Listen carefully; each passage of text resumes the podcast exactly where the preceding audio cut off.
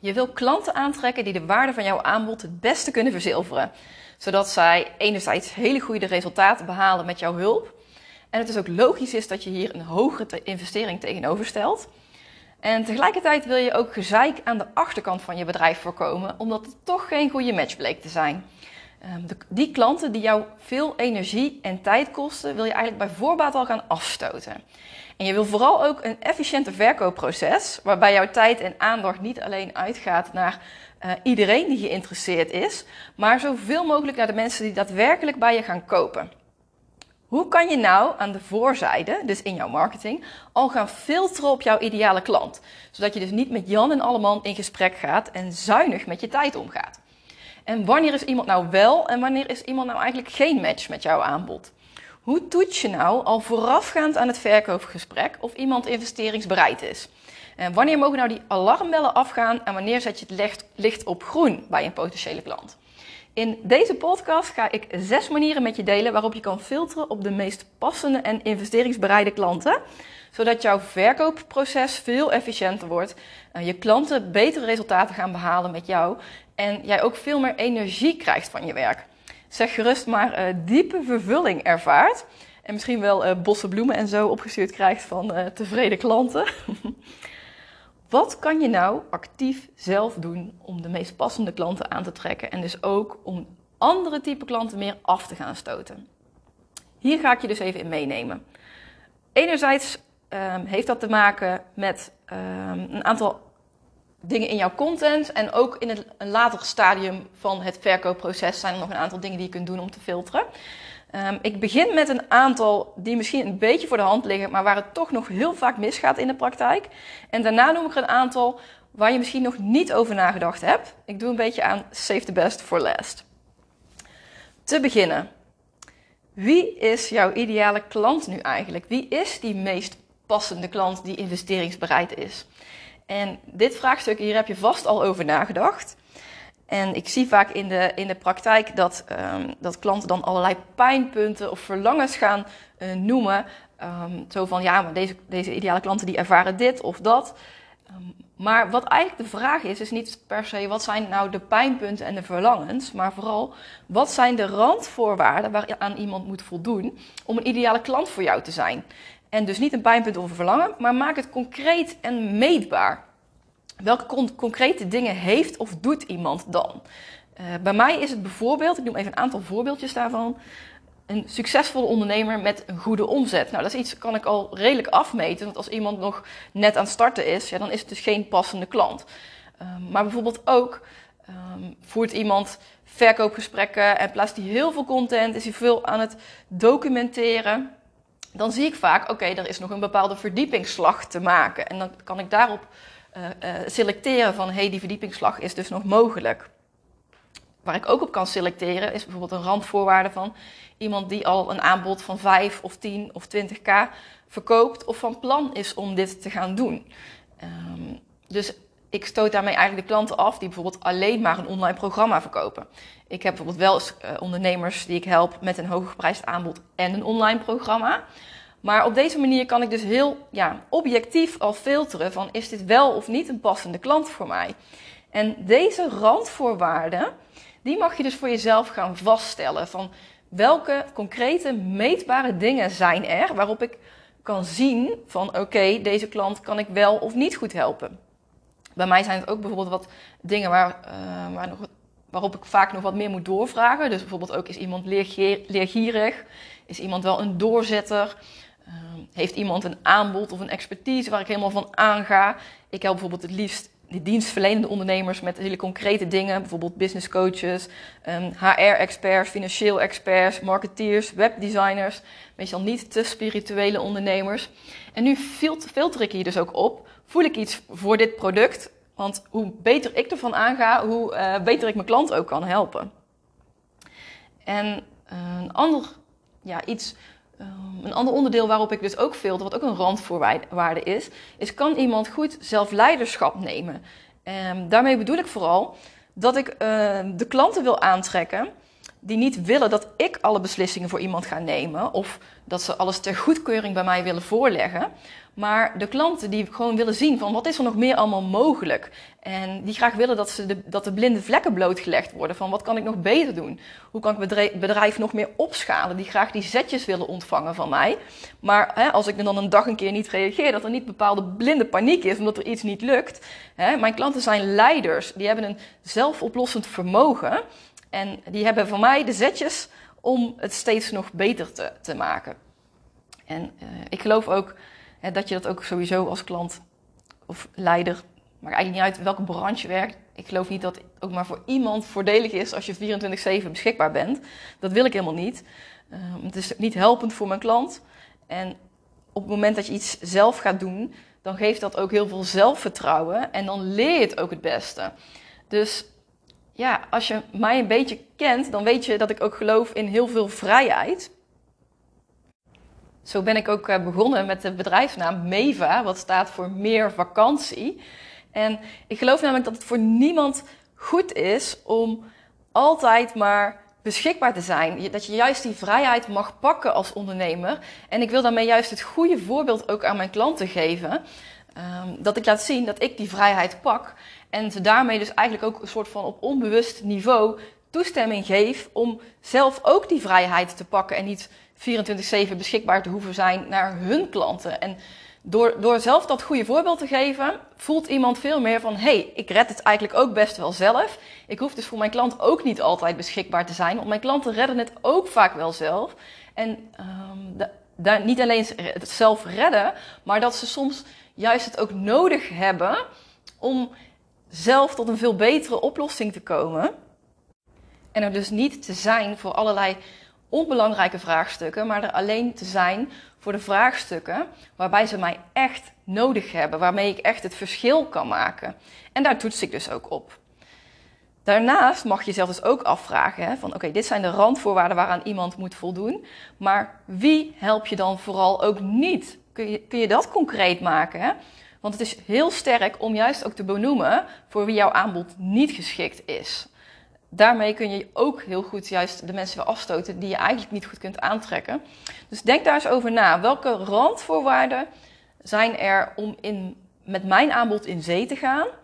En welke klanten wil ik eigenlijk bij voorbaat niet helpen? Zodra je dit voor jezelf helder hebt, kun je hier ook over gaan communiceren in jouw content. En dit is dus waar het echt begint en waar het vaak eigenlijk ook dus in de praktijk al misgaat, omdat het niet helder genoeg is.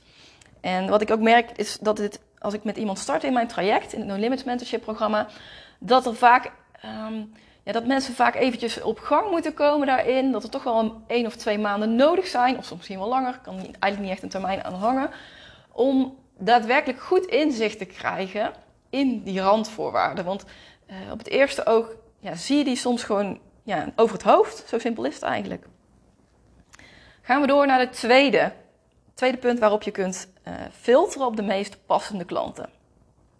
Wat ik in de praktijk vaak zie, is dat er veel ondernemers zijn die aan het delen zijn wat in hun opkomt. Um, ja, als het ware hun leven aan het documenteren zijn. Misschien een beetje aan het vloggen nog wel op stories op Instagram. En um, dat werkt in het begin natuurlijk heel goed, want ja, er zitten vast wel stukken tussen die, die raken, waarmee je dus je klanten uh, op dit moment aantrekt.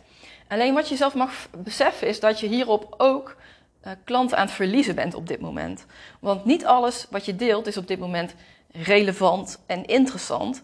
En daardoor zijn er ook ondernemers of mensen, afhankelijk van de klanten die jij natuurlijk helpt, die jouw content gaan skippen. En op het moment dat jouw content vaker geskipt wordt, dan is het gevolg voor het algoritme dat je dus minder snel naar, naar voren komt. En uh, ja, op het moment dat je minder snel naar voren komt, ja, dan missen mensen dus gewoon je content op een gegeven moment. Of als ze het dus echt niet interessant vinden, dan kan het gevolg zijn um, dat mensen je gaan ontvolgen. Dus je bent er klanten op aan het verliezen. Hè? Um, op het moment dat jouw content niet voldoende raakt, als het te breed is qua onderwerpen. Uh, even een heel extreem voorbeeld hiervan is bijvoorbeeld een fotograaf die over haar pensioen deelt. Ja, dat is eigenlijk helemaal niet relevant voor een, voor een fotograaf. Je hebt richtlijnen nodig qua onderwerpen. En ik noem dat contentpijlers. Welke onderwerpen zijn dan het meest interessant voor je ideale klant? En wat vanuit jouw privéleven deel je wel? Misschien accentueer je zelfs omdat het bijdraagt. En wat laat je gewoon helemaal achterwege omdat het niet interessant is. Nou, in mijn No Limits Mentorship traject help ik dus ook mijn klanten om, ja, om deze contentpijlers specifiek te maken, zodat je content veel meer gaat raken. Een derde stap, of een manier om, uh, om te filteren op de meest passende klant, um, die ga ik nu met je delen. Dit is een veel voorkomende reden waardoor ondernemers soms wel en soms niet de goede klanten aantrekken. Misschien als dit bij jou het geval is, dan is deze waarschijnlijk ook bij jou toepassing. Ik zie namelijk nog regelmatig dat er meerdere ideale klanten worden aangesproken in één post of één stuk tekst. Um, bijvoorbeeld dat je ergens in uh, dat wat je aan het communiceren bent iets zegt over, hè, je hebt een eigen bedrijf en iets verderop zeg je bijvoorbeeld iets over een collega of iets over een baas bijvoorbeeld. Hè. Ik noem even een extreem voorbeeld om, om het goed duidelijk te maken. Um, in de praktijk zijn het vaak iets subtielere dingen. Maar dit spreekt elkaar dus tegen. Hè? Als je een eigen bedrijf hebt, dan, um, dan heb je geen, meestal geen collega's. Dan zijn het vaak medewerkers. Of uh, dan heb je ook geen baas, hè? want je bent zelf je eigen baas. En er worden dan dus twee mensen aangesproken in, in, in één stuk tekst. En um, ja, dat, dat maakt gewoon dat je ook verschillende mensen aan het aanspreken bent in één stuk tekst. Het kan bijvoorbeeld ook zijn, het hoeft niet alleen op deze manier te zijn, het kan ook zijn dat je bijvoorbeeld een probleem of een pijnpunt van de ene klant aan het omschrijven bent en een verlangen van een ander type klant. En dat betekent dus dat je ja, twee klanten weer aan het aanspreken bent. Dus de, de clue van het verhaal is: spreek één ideale klant aan. Neem iemand in gedachten en schrijf naar deze ene persoon uh, het hele stuk wat je aan het creëren bent.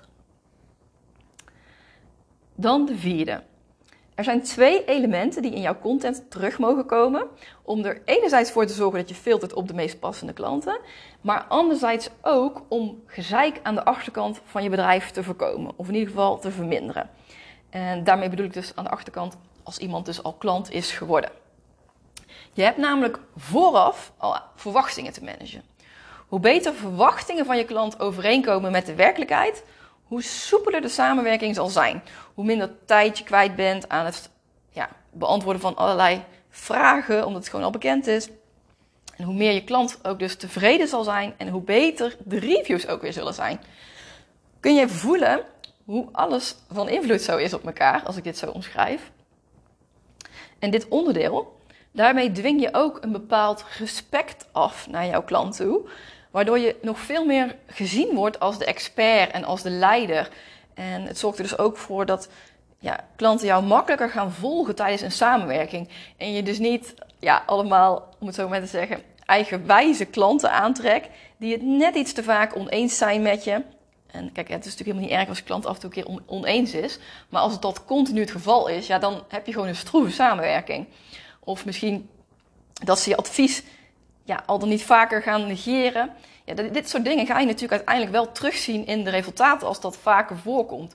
Dus wat je wil is dat je hier al voordat iemand klant wordt op inspeelt. En dat doe je door te vertellen over jouw visie en over jouw werkwijze. En ik kan hier heel veel over vertellen, want het vraagt heel veel gelaagdheid in jouw content, om hier um, ja, goed op in te spelen al vooraf. En hier ga ik dan ook in mijn, uh, in mijn 1 op 1 traject nog veel dieper op in. Maar in de hoofdlijn is het belangrijk dat je laat zien waar je voor staat met jouw bedrijf. En um, om even een voorbeeld te geven. Ik geloof bijvoorbeeld dat je met een hoger geprijsd aanbod de meeste voldoening ervaart.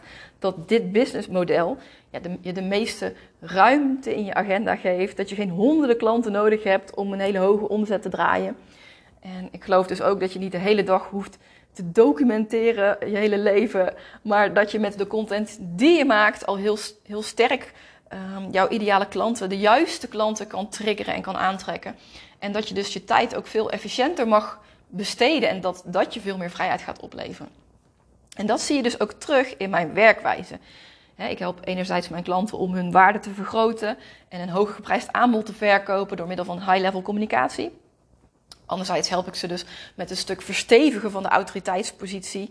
Wat is er nou voor nodig waardoor die klanten precies jou zien staan en bereid zijn om die hoge investering te doen? hoe kan je jezelf nou nog meer onderscheiden ook daarin? Welk aanbod past hier dan het beste bij? Dat zijn allemaal dingen waar ik uh, dieper op inga in mijn traject. En ik help ze dus ook om nog veel meer in de leiderschapsrol te stappen en authentiek te communiceren met een eigen visie. En daarnaast help ik ook met een stukje sales. En daarmee bedoel ik dus niet alleen het verkoopgesprek, maar juist, juist ook hoe kan je sales nou al slim door je marketing en communicatie heen vlechten, zodat je veel meer aan pool marketing gaat doen. Hè? Dus dat je veel meer aan het verleiden bent in plaats van overtuigen, al voorafgaand ook aan het verkoopgesprek. En daarnaast help ik ze ook met een stukje focus van wat is nu belangrijk om jouw aanbod te verkopen. Naar welk deel mag je aandacht nu uitgaan? En ik ben daarmee geen allround business coach die helpt met allerlei verschillende uh, uh, verdienmodellen. Ik help niet bij het uitdenken van een hele lancering met 30 mensen die, die starten op x datum. Of ik help met Facebook advertenties bijvoorbeeld ook helemaal niet. Ik help wel met doorlopend aantrekken van de juiste klanten, van de meest passende klanten, door communicatie door je hele bedrijf heen. En um, bijvoorbeeld ook wel bij met welk instap, instapproduct is bijvoorbeeld dan interessant om die warme leads voor je hooggeprijsde aanbod uh, um, alvast te gaan filteren. En hoe verkoop je dan aan die juiste klanten? Dus dat is een stukje visie ook wat ik uitdraag en een stukje werkwijze wat daar dan weer op aansluit. En wat dus ook belangrijk daarbij is, en dit is een stuk waarvan ik denk dat heel veel mensen die content maken online dit niet beseffen. Dat het dus ook belangrijk is, is dat je al laat doorschemeren in jouw content dat je bijvoorbeeld één op één werkt. Hè? Dat er een hoge investering gepaard gaat met een samenwerking met jou. Je wil dus niet dat iemand jou inschat met een één op één sessie van 200 euro, terwijl je een traject van 10k verkoopt. Hè? Die verwachtingen mag je dus vooraf al managen. En dan bedoel ik natuurlijk niet dat je daar een hele post aan moet gaan wijden. Uh, maar juist door het af en toe al subtiel her en der te laten vallen, uh, begrijpen mensen gewoon al veel beter wat ze kunnen verwachten bij jou. Nou, dit zijn even in hoofdlijnen de belangrijkste punten waarop je dus kunt filteren op de meest passende klanten al ja, in jouw content. Dus eigenlijk voordat, het hele stuk voordat je uh, überhaupt in contact bent met iemand. En dan op een gegeven moment heb je het punt waarop iemand ja, contact met jou zoekt of waarop je in gesprek bent met iemand, waarbij er een bepaalde mate van interesse is in een samenwerking met jou. En ook op dat punt valt er nog heel veel te filteren. Dus daar gaan we nu het laatste punt over uh, bespreken. Wanneer is iemand nou wel en wanneer is iemand nou geen match met jouw aanbod? Hè? Hoe toets je nou of iemand investeringsbereid is? En wanneer mogen nou de alarmbellen afgaan en wanneer zet je het licht op groen als je met een uh, interessante klant in gesprek bent? Het begint met een goede vragenlijst als voorbereiding op het verkoopgesprek. Een goede vragenlijst zorgt er namelijk in de eerste plaats voor dat een klant jouw aanbod al aan zichzelf aan het verkopen is, nog voordat het verkoopgesprek heeft plaatsgevonden. En in de tweede plaats is de functie voor jou om te filteren met zo'n vragenlijst. En ik denk vooral dat eerste stuk, hè, dat mensen, uh, dat ondernemers hier zichzelf nog niet bewust van zijn, dat, uh, dat, je dus, dat zo'n vragenlijst dus echt een belangrijk onderdeel is en bijdraagt aan het krijgen van een ja. Aan het, het draagt daadwerkelijk bij aan het maken van het aankoopbesluit. Mensen zijn op dat moment al bezig met beslissen. En dat, ja, ik denk dat er nog te veel mensen denken dat alles op het verkoopgesprek zelf hangt. Terwijl daarvoor gebeurt ook al zoveel. En sterker nog, op het moment dat er nog heel veel voor nodig is in het verkoopgesprek, ja, dan is dat gewoon heel vermoeiend verkoopgesprekken voeren. En ja, dat is gewoon helemaal niet fijn voor jezelf. Dat, dan kost het je nog veel te veel overtuigingskracht. Dat, dat wil je in mijn ogen gewoon het liefst niet. Je wil zoveel mogelijk eigenlijk al verplaatsen naar voor het verkoopgesprek. Zodat je enerzijds met de goede klanten in gesprek bent. En ook ja, dat mensen al gewoon voor het grootste gedeelte overtuigd zijn om met jou te gaan samenwerken. Zo heb jij gewoon ja, het meest efficiënt dat je je tijd ook besteedt. Kost toch allemaal één op één tijd al die verkoopgesprekken. De filtering die je dus kunt maken in zo'n vragenlijst, dat is dus in eerste instantie dat je wil weten van hoe warm is iemand nou eigenlijk die met jou in gesprek gaat. Hè? Want um, op het moment dat iemand jou eigenlijk net leert kennen, dan is de grootste kans ja, dat iemand dus nog eigenlijk ja, te koud is om helemaal in jouw aanbod te stappen. Maar ik wil je gelijk ook een nuance bij aanbrengen, want het is ook niet onmogelijk of zo. Dus het is, het hangt ook weer af van wat wordt er verder nog in de vragenlijst ingevuld. Hè? Want als, um, een vraag die ik bijvoorbeeld stel is, hoe lang volg je mij al? En dan heb ik daar een multiple choice antwoord op, zodat ik daar echt, ja, dat, ik, iemand daar niet heel vaag op kan antwoorden, waardoor ik het eigenlijk alsnog niet weet. Maar uh, ik heb daar een antwoord op, even uit mijn hoofd. Iets van, nou, ik, ik ken je nog niet zo goed. Of uh, ik volg al je content. Of ik luister zelfs al je podcasts. Uh, ik, ik, volg je al veel langer.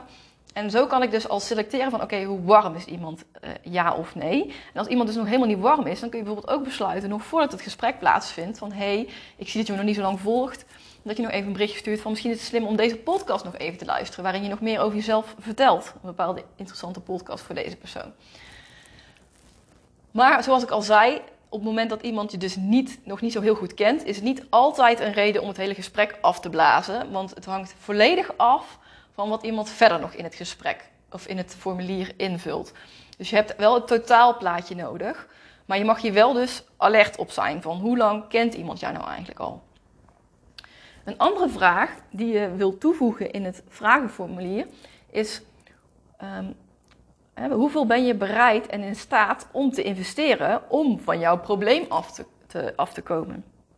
En daarbij raad ik ook altijd aan om een multiple choice antwoord in te vullen. En tegelijkertijd ja, is dit ook weer niet een 100%. Uh, um, ja, dat, je, hier 100% een strikte filtering op wil maken. Want het gebeurt ook nog heel vaak dat iemand bijvoorbeeld uh, invult, dat zie ik bij mijzelf, maar ook bij mijn klanten. Dat iemand invult een bepaald bedrag bereid is om te investeren, maar uiteindelijk toch veel meer bereid is om te investeren. En dat heeft ook natuurlijk ermee te maken dat de prijs helemaal niet het allerbelangrijkste is waarop een aankoopbesluit wordt genomen. Nee, dit is bijzaak. Het belangrijkste is um, dat iemand daadwerkelijk getriggerd is en dat je iemand daadwerkelijk um, kunt helpen, van het probleem af kunt helpen. En dat er een bepaalde urgentie op zit, of in ieder geval dat jij die ook gecreëerd hebt bij je klant. Uh, want dan dan wordt de prijs op een gegeven moment gewoon bijzaak. En natuurlijk, er zit altijd wel ergens een limiet voor iemand. Maar tegelijkertijd geloof ik ook dat als je heel goed bent in, uh, in, jouw, jouw aanbod, dat jij gewoon een goede speler bent op de markt. En op het moment dat jij goed kunt verkopen, dat jij al goede content kunt maken, ja, dan is prijs gewoon echt de bijzaak. Want dan wil iemand gewoon dolgraag met jou werken. En dan hangt het ook hier dus weer zit dan weer de nuance bij dat het afhangt van wat heeft iemand verder nog in het vragenformulier ingevuld. Om hier, ja, om hier dan een rigoureuze besluit over te nemen van hé, hey, ik ga, laat het gesprek niet doorgaan, ik blaas het af. Wat in ieder geval wel belangrijk is, dat het ook niet helemaal koud op het dak komt in het gesprek wat jouw investering is. Dus dat jouw klant al ja, een beetje een richtlijn heeft ook van waar, uh, waar kan ik rekening mee houden. En dat je klant het dus eigenlijk al een nachtje kan laten bezinken op zijn minst. En, uh, ja, en het zo dus eigenlijk dat je iemand al voorbereid hebt op de investering in het verkoopgesprek zelf. En dan een zesde manier om te filteren op de meest passende klant. Dat kun je doen tijdens het verkoopgesprek en eigenlijk het verkoopproces, moet ik eigenlijk misschien nog wel zeggen. Welke signalen kan je nou oppakken waaruit blijkt dat iemand niet geschikt is voor jouw aanbod? Ik ga een aantal proberen te benoemen, want uh, bij mij is dit ook vaak een stukje onderbuikgevoel. Uh, maar ik ga een paar voorbeelden geven waarbij ik hoop dat jij hierin uit ook je inspiratie kunt halen. Um, waarbij jij dus ook kunt filteren. Enerzijds heeft het natuurlijk te maken met die randvoorwaarden hè, die we net besproken hebben als eerste punt. Want daar toets je natuurlijk ook weer op, ook al bij, de, bij het vragenformulier, maar ook bij uh, uh, het verkoopgesprek zelf. Dus welke vragen zijn er nodig bij jou om te toetsen of iemand aan die randvoorwaarden voldoet. En dat is natuurlijk heel individueel, heel persoonlijk, afhankelijk van wat jij doet als ondernemer. Dus hier kijk ik bij mijn klanten ook echt één op één bij mee van welke vragen zijn nou nodig om te achterhalen of iemand wel of niet geschikt is. Een aantal andere punten die, die er ook, uh, die iets algemener zijn, die zal ik hier ook eventjes noemen. Wellicht dat dit jou ook helpt. Bijvoorbeeld als iemand je de hele tijd aan het tegenspreken is in het gesprek, hè? allemaal ja-maars dat is vaak ook een teken dat de samenwerking, dat je daar ook veel tegenspraak in zal krijgen. Ook bijvoorbeeld gaat het hele proces al een beetje moeizaam. Hè? Op het moment dat ik zelf merk dat ik allemaal weerstand krijg bij bijvoorbeeld het invullen van het vragenformulier. En dat ze dan naar mij reageren van, is het allemaal nou nodig? al die vragen. Ja, dan gaat er bij mij al een soort van, ja, een rode vlag is misschien een heel groot woord. Maar dan zet ik al wel een bepaalde aantekening van, oké, ehm, ik mag nog even extra scherp zijn van uh, in hoeverre kan iemand zich daadwerkelijk in de houding van een leerling um, aannemen, de houding van een leerling aannemen in mijn traject. Want dan wordt mijn, het traject met mij namelijk het meest succesvol. Op het moment dat iemand dus de hele tijd in de weerstand gaat, ja, dan wordt de samenwerking voor helemaal niemand fijn. Dus dit is even een voorbeeldje van hoe je uh, kunt filteren. Ja, in ieder geval hoe ik filter op bijvoorbeeld het stukje uh, leergierig uh, zijn. Maar ook op al die andere randvoorwaarden kun je, kun je hier dus vragen bedenken. Um, kun je een bepaalde alertheid creëren om uh, te bekijken of iemand al dan wel of al dan niet in jouw traject past. Nou, wil je jouw meerwaarde nog veel meer gaan verzilveren in de vorm van omzet, een hogere prijs gaan vragen uh, of gewoon de meest passende en investeringsbereide klanten hiervoor gaan aantrekken? Vraag dan een gratis doorbraaksessie met mij aan en dan ga ik samen met jou bekijken of ik je verder kan helpen in uh, mijn No Limits Mentorship programma. Dan zie je ook meteen mijn uh, vragenlijst. Super interessant om daar natuurlijk ook van te leren. Ik heb op dit moment nog één plek beschikbaar om in uh, december te starten.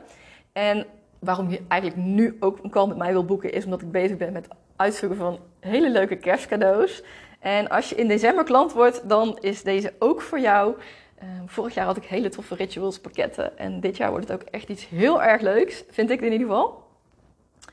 Daarbij gaat ook in januari de investering omhoog. Dus als je er al langer over nadenkt om eens een keer met mij te bellen, dan zou ik zeggen: boek je call met mij. Ik kijk er enorm naar uit om je te leren kennen. Uh, je vindt een link in de show notes om uh, even een, afspraak met mij uh, in te schieten. Uh, mocht je dat nog uh, iets te ver weg vinden, of in ieder geval dat je denkt van nou, daar wil ik nog heel even over nadenken. Dat is een andere optie waarop je ook kennis met mij kunt maken. Dat is mijn High Level Instagram Copywriting Live Dag. Die is op uh, 5 april aanstaande. Het duurt nog even, maar je kunt nu wel al je early bird ticket claimen. Dus die link vind je ook in de, in de show notes. Heel erg leuk ook om je daar natuurlijk live, te, live te zien. Ik zie je heel graag in een volgende aflevering.